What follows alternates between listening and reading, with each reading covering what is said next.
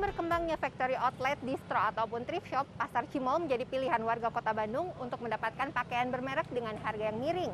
Berdiri selama tiga dekade lebih, eksistensi Pasar Cimol ini masih tetap terjaga hingga saat ini, terbukti dari banyaknya pengunjung yang masih berbelanja di lokasi ini.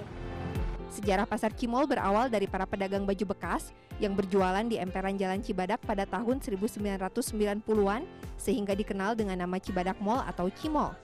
Sempat berpindah lokasi ke Kebon Kalapa dan Tegalega, pada akhirnya pemerintah kota Bandung menyediakan tempat di kawasan Gede Bage untuk melokalisir pedagang baju bekas di tahun 2000-an.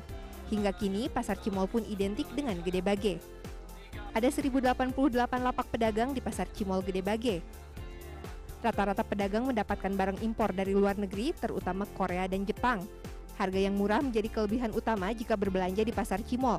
Proses tawar-menawar menjadi keharusan agar pengunjung bisa mendapat potongan harga maksimal. Kang ini celananya berapa nih? 50 Bisa kurang nggak? 30 ya?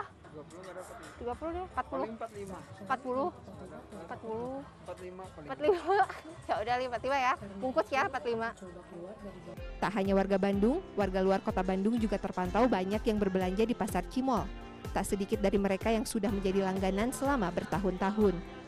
Ada kepuasan tersendiri ya jadi kayak kayak nemu harta karun gitu apalagi kalau nemu barang-barang yang brandy terus barang-barang yang bagus harganya juga eh, lebih affordable lah daripada kita beli baru gitu ya Karena sebagian besar pakaian yang dijual di sini adalah pakaian bekas pakai, maka pastikan atau jangan lupa untuk membersihkan terlebih dahulu baju yang sudah Anda beli agar kita bisa terhindar dari berbagai penyakit. Laisa Nisa, Sipki Irfan, Bandung, Jawa Barat.